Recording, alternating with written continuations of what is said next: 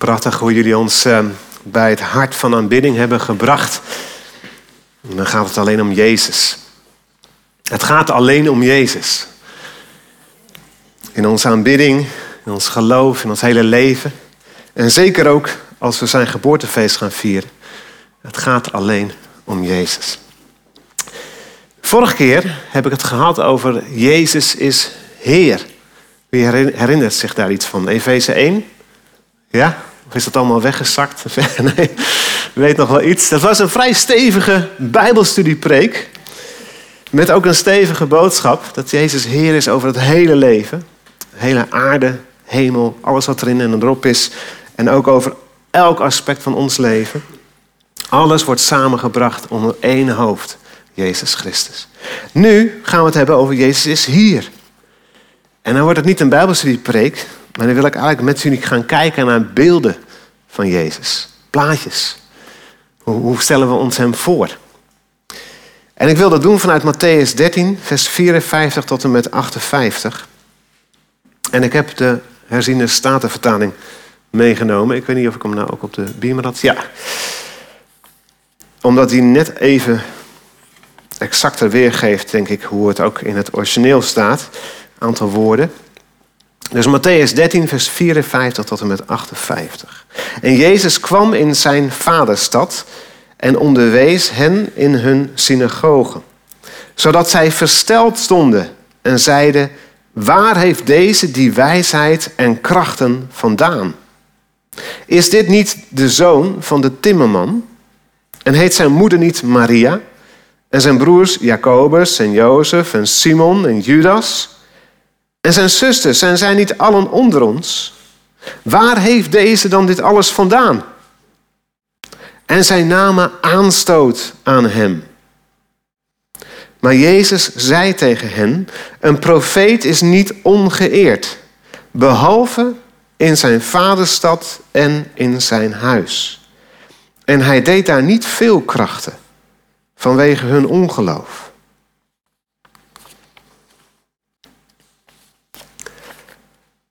Afgelopen week is de, de verfilming The Chosen in première gegaan. Wie heeft dat meegekregen? Heb je wel iets van gezien? Of had je misschien al de app geïnstalleerd? Of heb je misschien al eerder daarvan iets bekeken? En het, is, het is een crowdfunding productie van mensen die echt het verlangen hebben om het verhaal van Jezus over de hele wereld te laten zien. En de EO heeft dat nu uh, op zich genomen om dat ook uit te gaan zenden. En ik las meteen in een bepaalde krant dat er in bepaalde kringen van de christelijke kerk ook meteen weer discussie is en kritiek. Van ja, mag je Jezus nou al afbeelden? En als je dat dan doet, hoe doe je dat dan? En het klopt niet. En het is niet zoals de Bijbel het zegt. En eigenlijk elke keer als je een film hebt of iets over Jezus, dan krijg je dezelfde discussie. Het is lastig, hè? beelden van Jezus waar iedereen zich thuis bij voelt. Waar iedereen zegt, ja, zo is het. Beelden van Jezus. Toen ik als tiener door Alkmaar fietste, mijn geboorteplaats, waar ik ook Peter en, ik naam even kwijt, maar Corrie. Die waren daar toen voorganger in die tijd van de Pinkstergemeente. Peter heeft me mogen dopen, lang geleden. En dan had je de Jozefkerk. Hij staat er nog, maar helaas is het geen kerk meer, maar het zijn nu appartementen. Maar volgens mij staat het bronzen beeld van Christus nog altijd voor die kerk. En daar staat op de sokkel Christus koning, redder van ons volk. En dan fiets ik daar langs als, als kind en als tiener. En ik was een van de weinigen die probeerden om Jezus te volgen. Op mijn middelbare school kende ik misschien nog één of twee anderen. Maar verder was ik bijna altijd de enige in mijn omgeving. En dan bemoedigde mij dit beeld van Jezus. Dan fiets ik daar langs en zeg: Yes, het is waar, dit is Jezus. En dan groet ik hem met een glimlach op mijn gezicht. Jezus. en in mijn hart bewees ik de echte Jezus eer. Niet het beeld, begrijp me niet verkeerd, maar de echte Jezus die troont in de hemel. En dan aanbad ik hem. En dat, dat beeld hielp mij, dat sprak mij aan, dat bemoedigde mij en versterkte mij in mijn geloof. En zo hebben we allemaal een beeld bij Jezus.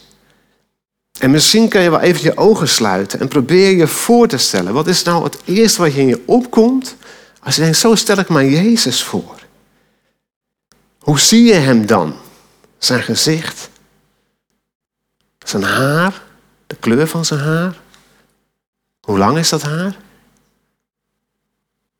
Geluids, gelaatskleur, de kleur van zijn huid.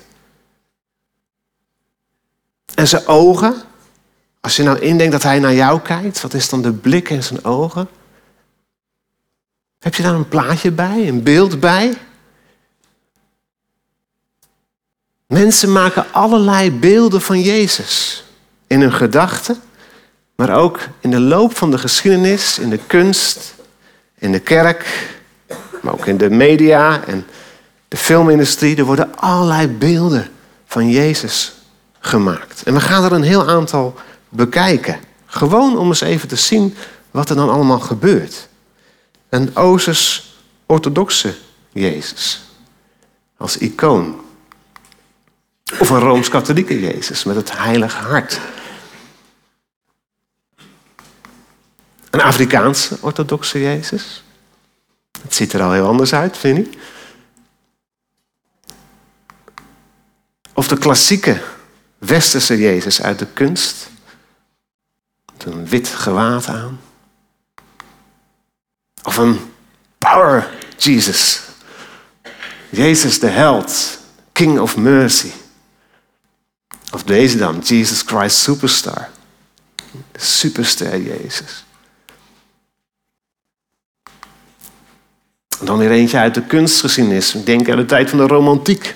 Allemaal heel uitvergroot en emotioneel. De leidende Jezus. Die het kruis draagt. Of opnieuw, maar dan in houtskool. En dan uit de tijd van de Tweede Wereldoorlog.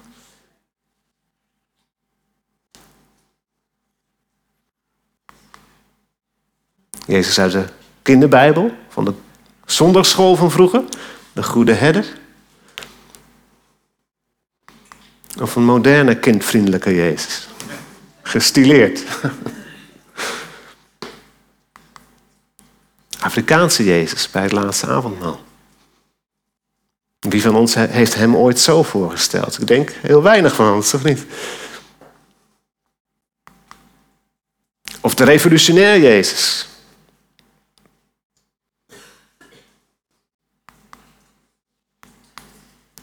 En dit is een hele bijzondere, want dit is een paar jaar geleden is deze zo gemaakt met computers op basis van wetenschappelijk onderzoek in België, in de Universiteit van Leuven. Zijn er mensen die zeggen, nou, een Joodse man uit die tijd moet er ongeveer zo hebben uitgezien. En dus Jezus waarschijnlijk ook. Een reconstructie op basis van wetenschappelijk onderzoek. Iedereen heeft zo zijn eigen beeld van Jezus. En niet alleen van zijn uiterlijk, maar ook van hoe hij zich gedragen heeft. Wat hij gezegd heeft, wat hij gedaan heeft. En het grote probleem is dat geen van die beelden precies klopt met wie hij werkelijk is en is geweest. Ook jouw beeld niet, ook mijn beeld niet. En dat lezen we in dat stukje wat we net hebben gelezen. Dat zijn plaatsgenoten dachten dat ze hem wel kenden. En ze kenden hem ook, want hij was één van hen. Ze kenden zijn vader en zijn moeder, zijn broers en zijn zussen. Ze dachten, nou, hij heeft geen geheimen voor ons. We weten waar hij vandaan komt, we weten hoe hij eruit ziet. Zijn gezin van herkomst, zijn beroep, we kennen hem. En dan doet hij iets wat niet klopt met het plaatje wat zij van hem hebben. Hij staat op in de synagoge en hij neemt gezag om hem met autoriteit te onderwijzen. Iets over zichzelf te beweren wat eigenlijk ongepast is in hun denken. Namelijk dat hij de Messias is die gekomen is om alles te veranderen. En hij doet wonderen en tekenen om dat kracht bij te zetten. En dan zegt ze, waar haalt hij het vandaan? Dat kun je niet maken, Jezus. Waar, waar is die wijsheid vandaan? Waar heb je die wijsheid, waar heb je die krachten vandaan? Je bent hier toch niet voor opgeleid? Je bent hier toch niet voor aangesteld? Je bent toch één van ons, zoon van een timmerman, zoon van Maria. We kennen jou toch? dan is een interessante vraag om, je, om jezelf te stellen. Hoe zou ik reageren? Als Jezus nou fysiek hier zou verschijnen, is het dan vanzelfsprekend dat wij met open armen zouden ontvangen? Zonder enige reserve, zonder enig voorbehoud of kritiek. Zouden we hem überhaupt herkennen? Nou, in de jaren tachtig verscheen er al een boekje wat precies daarover gaat. Nou, iets ouderen onder ons kennen hem nog wel, denk ik. Adrian Plaas, Het Bezoek. En dat was in die tijd echt baanbrekend in evangelische kringen. Zo, zo spraken we niet over Jezus. Zo schreven we niet over hem. Ik vond het meestelijk. En als je de tekst op de achterflap leest, dan vat hij het mooi samen. Het zat wel goed met onze kerk. We spraken met ontzag en gepaste dankbaarheid over onze grondlegger. Alles liep op rolletjes. Het nieuws dat hij van plan was ons binnenkort op te zoeken, kwam dan ook op zijn gezagsgezegd onverwacht en was nogal schokkend. En dan ontvouwt zich dat verhaal en met de nodige humor vertelt hij hoe dat zou kunnen gaan. Als we hem eigenlijk helemaal niet verwachten in ons midden. Als hij eigenlijk onze manier van doen verstoort. En niet voldoet aan wat wij dachten dat hij zou doen, dat hij zou zeggen. Maar eigenlijk zijn hele eigen spoor trekt. Schokkend als Jezus daadwerkelijk in ons midden zou opstaan. Je moet het maar eens lezen. Het is nog zeker tweedehands te verkrijgen. En dan denk je misschien, ja, ja, het is allemaal leuk en aardig, maar mij zal dat niet overkomen. Ik, weet, ik ken Jezus wel. Ik lees de Bijbel, misschien al tientallen jaren, net als ik. Ik ben ermee opgevoed, zonder school, christelijke opvoeding, christelijke school. Het zal mij toch niet gebeuren? Dat ik moeite zou hebben met Jezus? Dat hij misschien toch nog anders is dan ik dacht? Dat hij me nog kan verrassen? Is dat zo? Is het zo dat dat, dat dat eigenlijk niet meer zou kunnen, omdat jij hem wel kent zoals hij is? En boeiende vraag, of niet? Gaan we volgende week kerst vieren.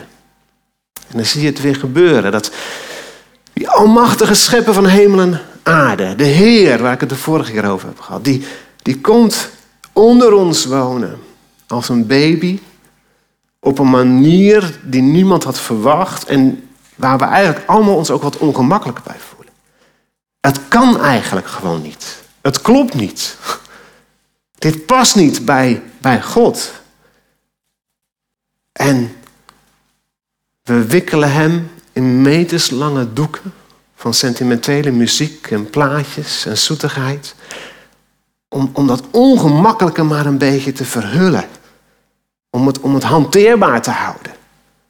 Want eigenlijk weten we ons niet zo goed raad met God die mens wordt. Die onder ons komt wonen en één van ons wordt. Dat is nog nooit vertoond.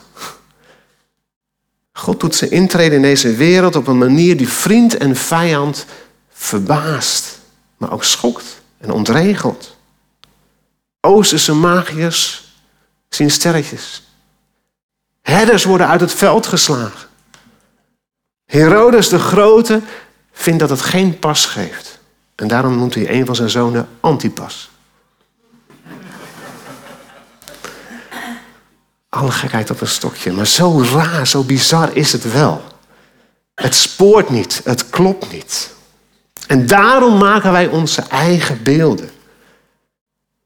Daarom proberen we dat wat, romantisch te maken en wat zoetig en onschadelijk in feite. En soms zijn die beelden heel begrijpelijk en ook helemaal niet zo verkeerd. En kan het ook niet zo kwaad. Je ontkomt er ook niet aan. We moeten, het, we moeten ergens beginnen. We moeten het er ook een beetje mee doen.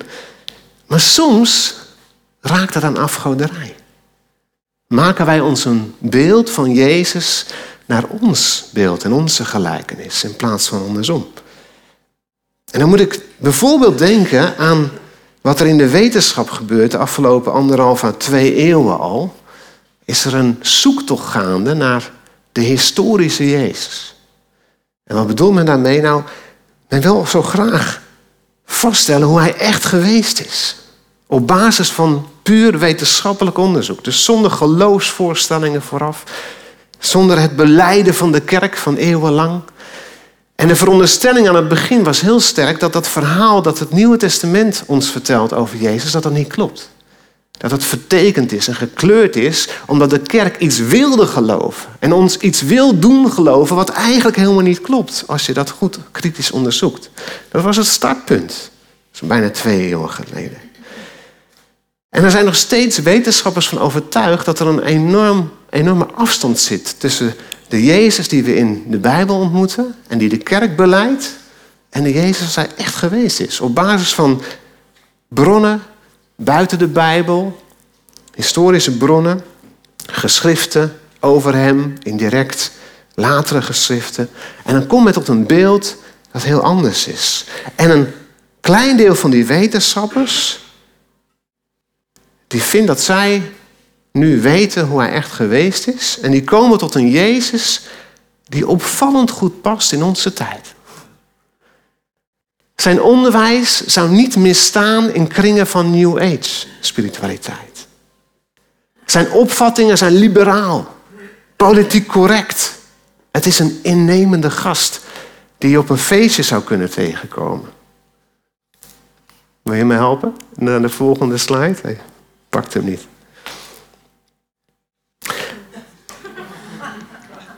En de grote puzzel is dan, hoe zou deze Jezus ooit gekruisigd moeten worden? Als hij totaal geen aanstoot neemt. En eigenlijk iedereen te vriend houdt en precies zegt wat wij toch al willen horen. Maar het zijn de serieuze wetenschappers die met een nodige pretentie zeggen, ja maar zo is het echt geweest. Maar dan blijkt, als je daar even anders naar kijkt, dat het een, een beeld van Jezus is naar hun eigen overtuiging, hun eigen voorkeur, hun eigen smaak. Wie is er nu voor ingenomen? Wie vertelt nou eigenlijk zijn eigen verhaal? En dan is het makkelijk om te wijzen naar mensen buiten ons, van onszelf af. Maar doen wij eigenlijk vaak niet precies hetzelfde? Mag ik het even heel kritisch stellen? Zijn jullie af en toe wel van mij gewend, toch? Als we nou discussies voeren over hete hangijzers in de kerk. En dan kunnen we ons allemaal daar wel iets bij voorstellen in deze tijd.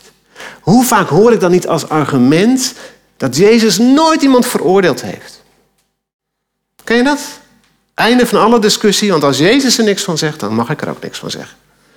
Dan mag ik helemaal niks vinden van wat iemand denkt of doet, want Jezus zei er ook niks van. Hij heeft nooit iemand veroordeeld. Het was een en al liefde en acceptatie. Maar het klopt niet. Het klopt niet met wat de Bijbel zegt. Hebben we dan niet gelezen hoe ontzettend scherp Jezus zich uitspreekt over hypocrisie? Over ongeloof?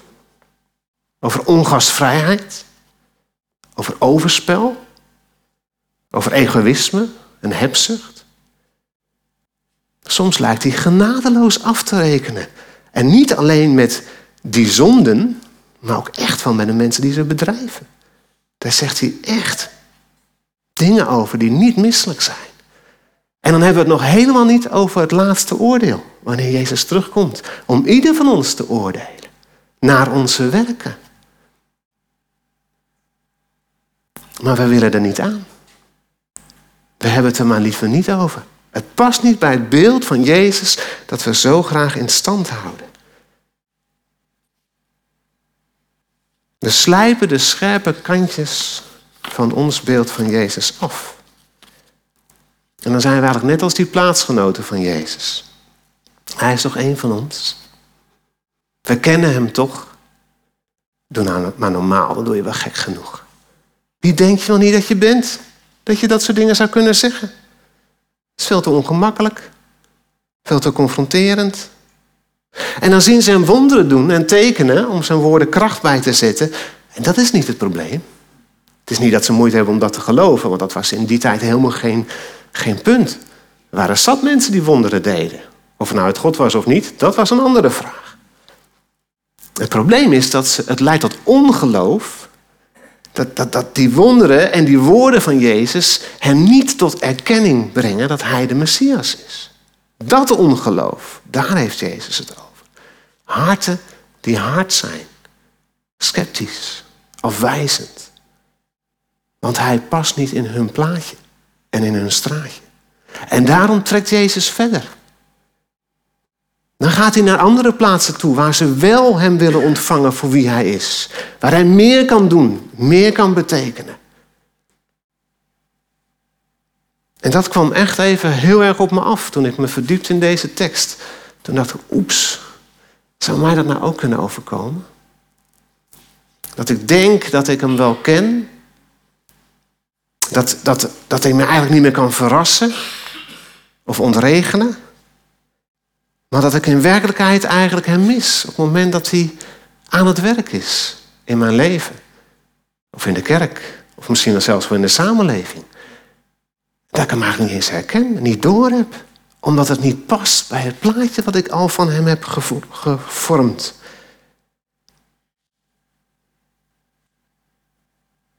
Dat is wel best wel, heeft me wat benauwd en verontrust. Dan denk van, zou me dat nou echt kunnen overkomen? Ik zie het bij mezelf niet. Maar is dat nou niet kenmerkend voor een blinde vlek? Dat je dat bij jezelf helemaal niet doorhebt. Dat was nog net het probleem. Ze zagen het niet. En ik wil het ook niet. Ik wil hem niet kwijt. Hij is me veel te dierbaar. De Jezus zoals ik hem heb leren kennen, is me vertrouwd. Is me kostbaar geworden. Dus liever stel ik dat ook niet ter discussie. Stel je nou voor dat ik hem kwijtraak. Dus houden we het maar gewoon bij hoe het is. Hou ik maar gewoon mijn beeld van Jezus, ongeacht wat dan ook.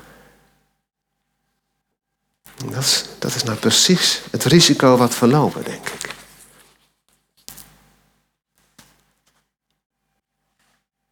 We vieren kerst volgende week. Het is advent, vierde advent. Ik heb geen kaarsjes gezien, maar het is echt vierde advent deze zondag.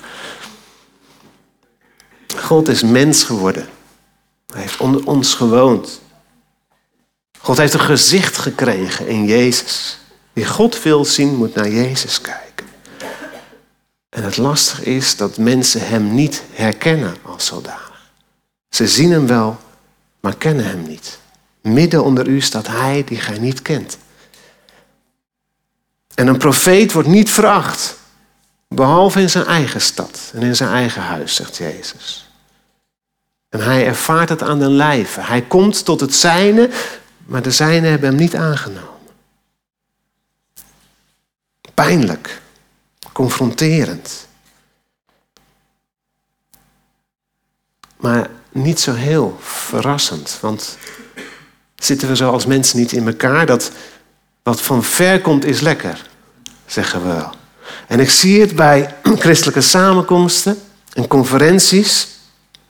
Sprekers die van buiten komen, die worden met alle egaars behandeld.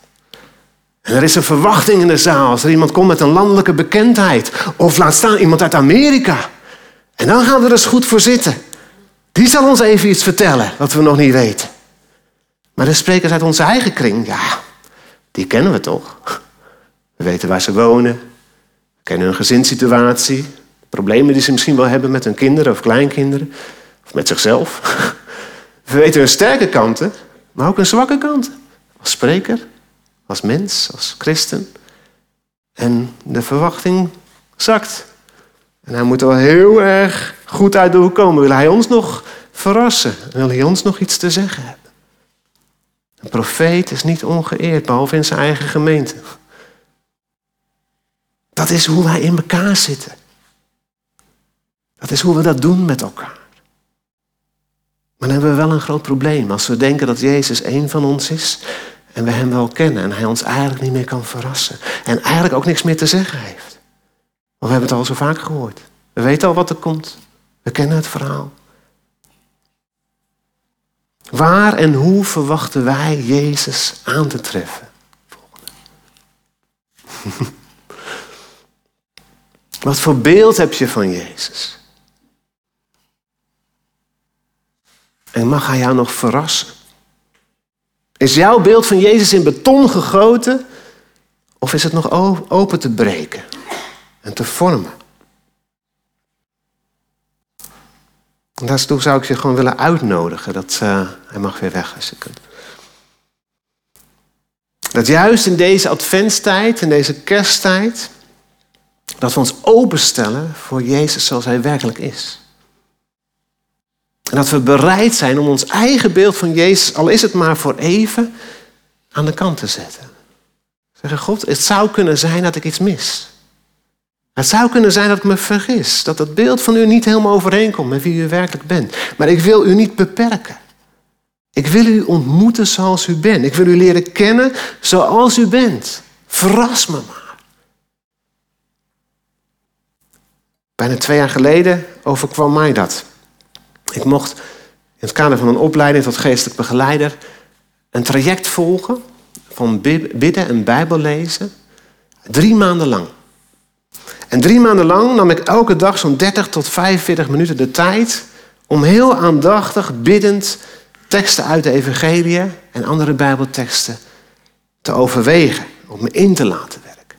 En dan één keer in de week ontmoette ik een geestelijk begeleider online en twee van mijn medecursisten. En dan deelden we wat we hadden ontdekt in de week daarvoor en we bevroegen elkaars ervaringen.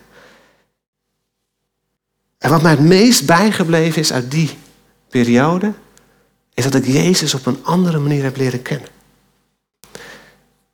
Hij werd veel meer mens voor mij. Ik ontmoette hem als mens, als man. En ik zag hoe hij optrok met zijn vrienden. Hoe hij de maaltijd met hen had. Ze aten samen, ze lachten samen. Ze deelden gewoon de verhalen van het alle dag. Echt niet dat hij elke dag, elke minuut van de dag allerlei hoge geestelijke waarheden verkondigde. Echt niet. Hij deelde zijn hart, hij deelde zijn leven. Hij at met hen, hij logeerde bij hen in het huis van Petrus. En ineens kon ik me voorstellen, stel je voor dat ik daarbij was, dat ik Johannes was of, of Petrus. En, en je slaapt in hetzelfde huis, misschien wel in dezelfde ruimte als Jezus. Je deelt dezelfde badkamer.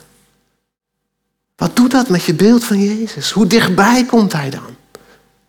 En het was als een nieuwe openbaring. Oh, hij is echt mens. En ik mag met hem omgaan zoals met een mens omgaan. En ineens werd dat beeld van Jezus verrijkt en verdiept. Dan leerde ik hem op een nieuwe manier kennen. En dat is me nog maanden bijgebleven. Die ontmoeting met Jezus. Dat is mogelijk als we ons openstellen voor Hem. Opnieuw. Als voor het eerst. En, en Hem gaan vragen. God, laat me zien wie U werkelijk bent. Jezus, mag ik U ontmoeten zoals U bent. En dat kan door bidden en Bijbel lezen. Laten we daar in ieder geval beginnen. Dat is de beste basis om Jezus te leren kennen. Dat kan ook door aanbidding. Dat kan door ontmoetingen met andere mensen en elkaar daar eens over te spreken. Hoe heb jij nog Jezus leren kennen? Hoe ken jij Hem? Misschien ken je Hem wel op een manier die ik nog niet ken. En mag ik iets van jou leren? En dat kan denk ik zelfs, en dan wordt het heel spannend voor sommigen, met mensen die Jezus nog niet volgen. Jouw collega's, je familie of je vrienden. En laten we dat gesprek gewoon eens aangaan. Zeg, hé, hey, wat voor beeld heb je eigenlijk van Jezus? En misschien ontdek je wel hele mooie dingen die je anders nooit had gezien. En gaan we Hem zien waar Hij is. Want Hij is hier. In ons midden. Immanuel. God met ons. Hij is hier in deze tijd, in onze samenleving. Waar zoveel niks van God of gebod willen weten. Maar Hij is er wel. Heer, open onze ogen dat we gaan zien waar U bent.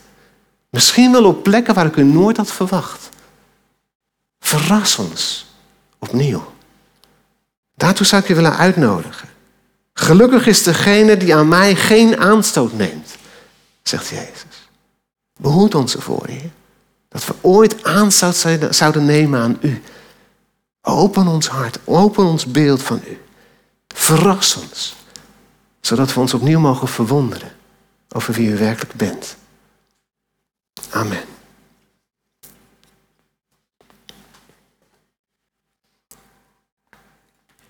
Ik zou graag met jullie willen bidden daarvoor.